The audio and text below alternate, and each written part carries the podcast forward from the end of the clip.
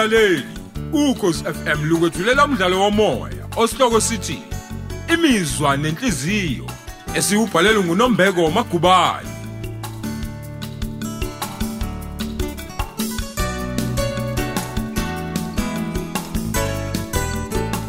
Lesi isiqebu sethu samashumi amathathu nanye.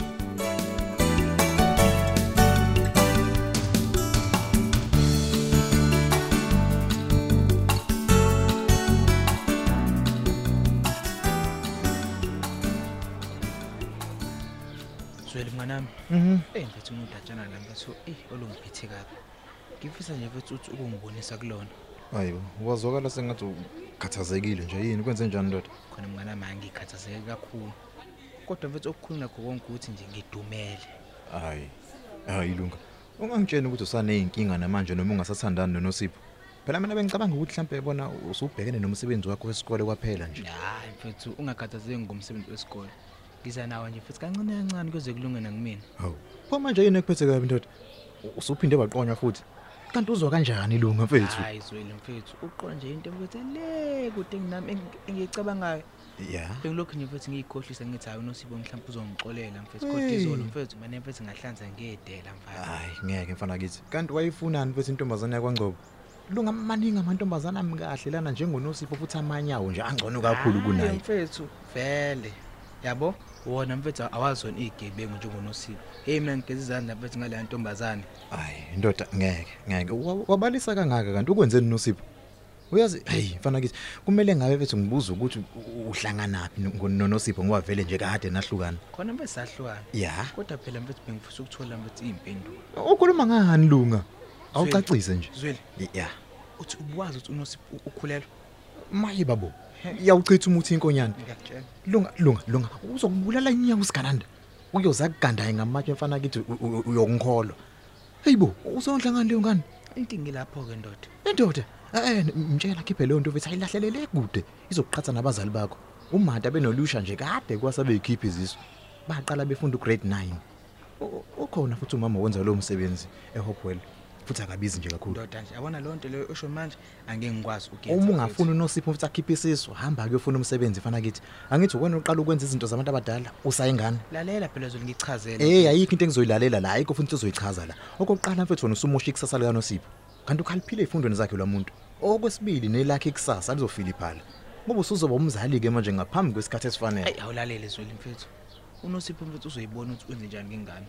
Angeke nje mfethu atshele mina. Welunga mfethu. U- u- hey, Ungalingeke nje uphika ingane kaNosipho. Usilwe usulibele manje ukuthi wena waxoxela mina ukuthi ulala naye kubo.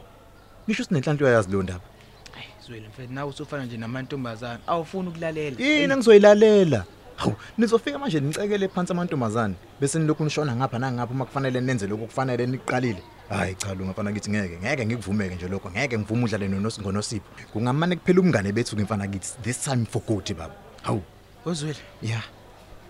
Ngilalela. Ya uthini mfethu? UNosipho uthandana noDlamini. Eh? Ungizwe kahle. Mfethu kusobala ukuthi nguye lo omkholisile. Mfethu azi nje futhi uloke nje esipelesela esipelesela ngamaklasi kanti ufuna ukuthatha intombi yami. Hayi. Hayi ang- angikholwa lutho ke manje uqhamuke emlumeni wakho mfana ngithi hayi. UNosipho yena ukutshela ukuthi ukhulelwe. Hayi phela mfethu uqale ordazi inkani. Oh. Kodwa ke sona isisu mfethu siyabonakala. Uthi nje mfethu esiwa lapha ngitshela ukuthi ingane ngeyami. Uyahlanya wena. Pho manje igama lika Thisha uDlamini lingena kanjani kuyona yonke lento? Phela ngenkathi ngimbuza mfethu ukuthi unaso isiqiniseko sokuthi ingane ngeyami yabo. Ehhe. Njobe ehlezi ehamba noDlamini ungitshela ukuthi hayi walala kabili phela eh naye uDlamini lo. Indoda isigebengu nentombazane ngiyakutshela. Eh mafisa uqinisile ni kanti. Ngiyakutshela kabili Yeah. kabili insizwa kabili. Ungize ngadumala lo ngafethu. Kungenzeka futhi ukuthi nguye waye- waye nguye uDlamini lo. Njengoba ethanda ukugqoka nezingubo emfishane. Yabona ke. Yer. Yabo nje futhi umuntu engimdabekela kakhulu la mfethu ugogo wakhe ongazi ukuthi umzukulu wakhe wenza imkhumbi enje. Eish eish eish eish face wavelela umuntu omdala. Eish. Eh mafethu, ey yazi manje awusho z- zingaki inyanga. Hayi mfethu angiba ngisambuzayo lokho. Kodwa ngibethe ngendlela ukuthi angalilokothi alethi isisi lapha ekhaya. Akuhamba ele esokeni lakhe eludlamini. Hayi cha. Akusho nokuthi ngidumele. Kuphele naso zwanini nje. Eish. Hayi sayicela ivuthiwe ndoda. Ey, asamso ngene eklasini nangu umisitulo ezamaneno.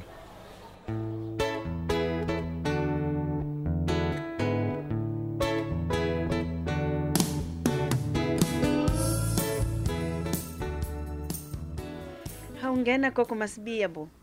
Sawubona Mthoni. Yebo sanibona. Ngiyaxolisa ungene emahhovisi amakhulu. Umthetho hambe ngidinga uSister Nkosi. Kodwa ngimficanga estation samanesi. oh hayi ayikho inkinga gogo masibiya u ngingakusiza ngani namuhla Metron. Kunodatshana oluthanda ukuba bucaye engifisa ulidingida nawe. hawu Angazi noma unaso nesikhathi ngane yami. Isikhathi nje sokuthi ungilalele ngoba ngiyaqonda ukuthi umuntu omatazi. eyi isikhathi sohlezi singekho kodwa ke ithini okumele sisenze ungakhuluma nje gogo ngizolalela ngoba ngicabanga ukuthi kubalekile Hayi, kubaleke kakhulu Metron. Kubaleke kakhulu. Konje uthe kuphi usista Nkosi?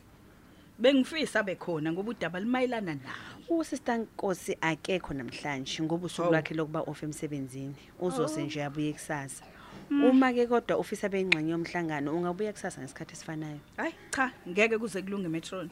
Kusasa ngizobe ngisesitokfeleni samakhosikazi. hayi kuyazwakala gogo ungalibeka kudaba lwakho ngilalela Hayi ngiyabonga Metron. We Metron, yebo ngifisa ukwazi isizathu esenza usister angagani ngoba uyintokazi ebukekayo phela. Uthi nje uma nixoxa. hawu gogo ngiyaxolisa kakhulu anginayo impendulo yombuzo wakho ingabe khona okunye ofisa ukukubuza Hawu kahle bo Metron. Sufuna ungixoxa ungakangizwa nje nokuthi ngithini.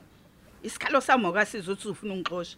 Konje njalo nina ayifundiswa. Aninaso nje isikhathi sokulalela. gogo masibiya ngiyakuhlonipha kakhulu ngoba ulingana nomama wami kodwa Hayi, ke hayi, hayi. angeke nje ngikuvumele ukukhulume ngamagama abantu ikakhulukazi uma bengekho We Metron.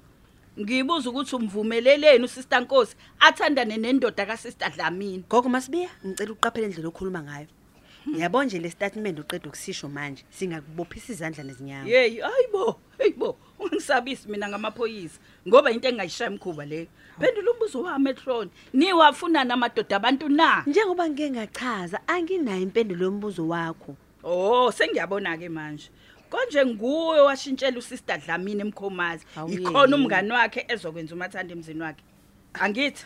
Ngo- ngokukhulu ukuzithoba gogo ngicela uphume ehhovisi lami ngoba usuqala ukungihlambalaza kungenjalo ngizobiza amaphoyisa Eh anginandaba mina noma ungaze wabiza amaphoyisa akho lawo vele sengiyahamba. Uzutshele uSister Nkosi ukuthi umphakathi asehopwele udini uyaveva isenzo sakhe sokuqoma indoda ishadile. Uyangizwa? Uyangizwa Metron? Ngiyakuzwa, Eh, gogo. umtshali ukuthi ngithe umswenya uhamba uvukuza inhlabathi. Ukhohle uthi khona bawubonayo. Uyothi uveza ikhanda ngaphandle bawushaya bawubulale. Ngiyema lapho. Sala kahle Metron. kodwa ngivelelwa yini ugogo masimiya umane waqoma ukushiya umuzi wakhe nje wezemtholampilo ngenhloso yokuzongibheca ngoba inyama ngayidlanga konje ngenzeka yini ukuthi bekhuluma iqiniso? Ayisuka unomusa ayisiyona inhlobo echitha imizi yabantu. Pho angamqomelana udlamini nokwenza phela umbali umngani wakhe nje. Hayi baba. Cishe ngaphenduka imfana yomhlatshelo. Usale kancane nje ukuthi ugogo masibiya ngisizocongela isona engingasazi. Hayi uyahlupha naye lo gogo ngokuba usiyazi. Uma engekho esikoleni gijima uze emthola hayi awuthi-ke ngishayele usista nkosi hleze ngizothola umnyombo wendaba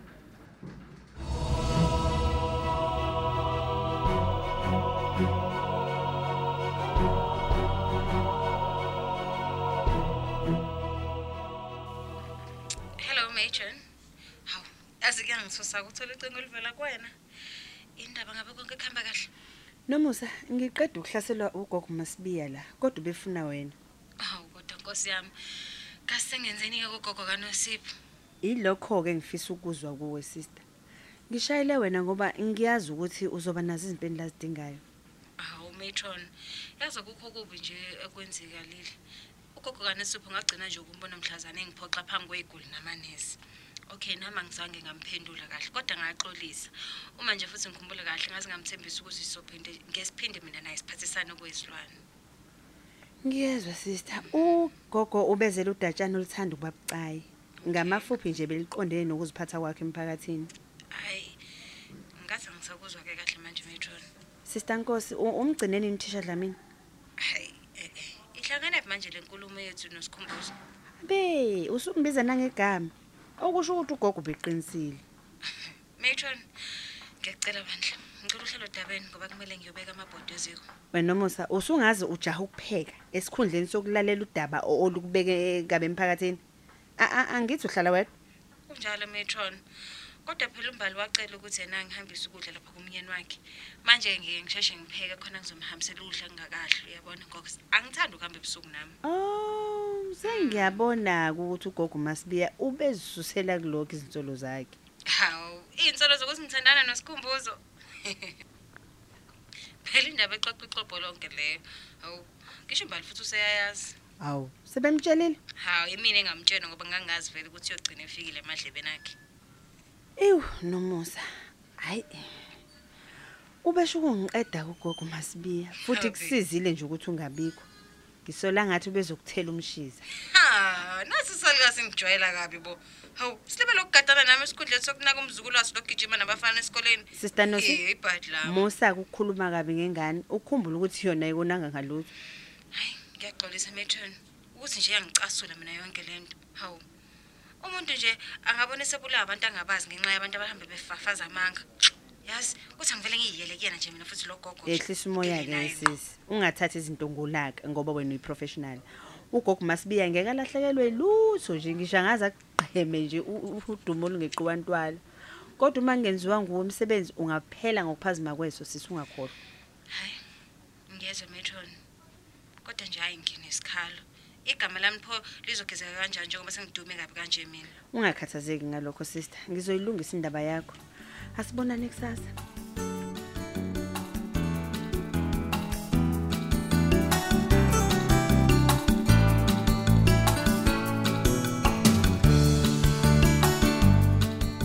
Sisibeka lapho isiqephu sethu imizwa nenhliziyo esethulelwa ukhozi FM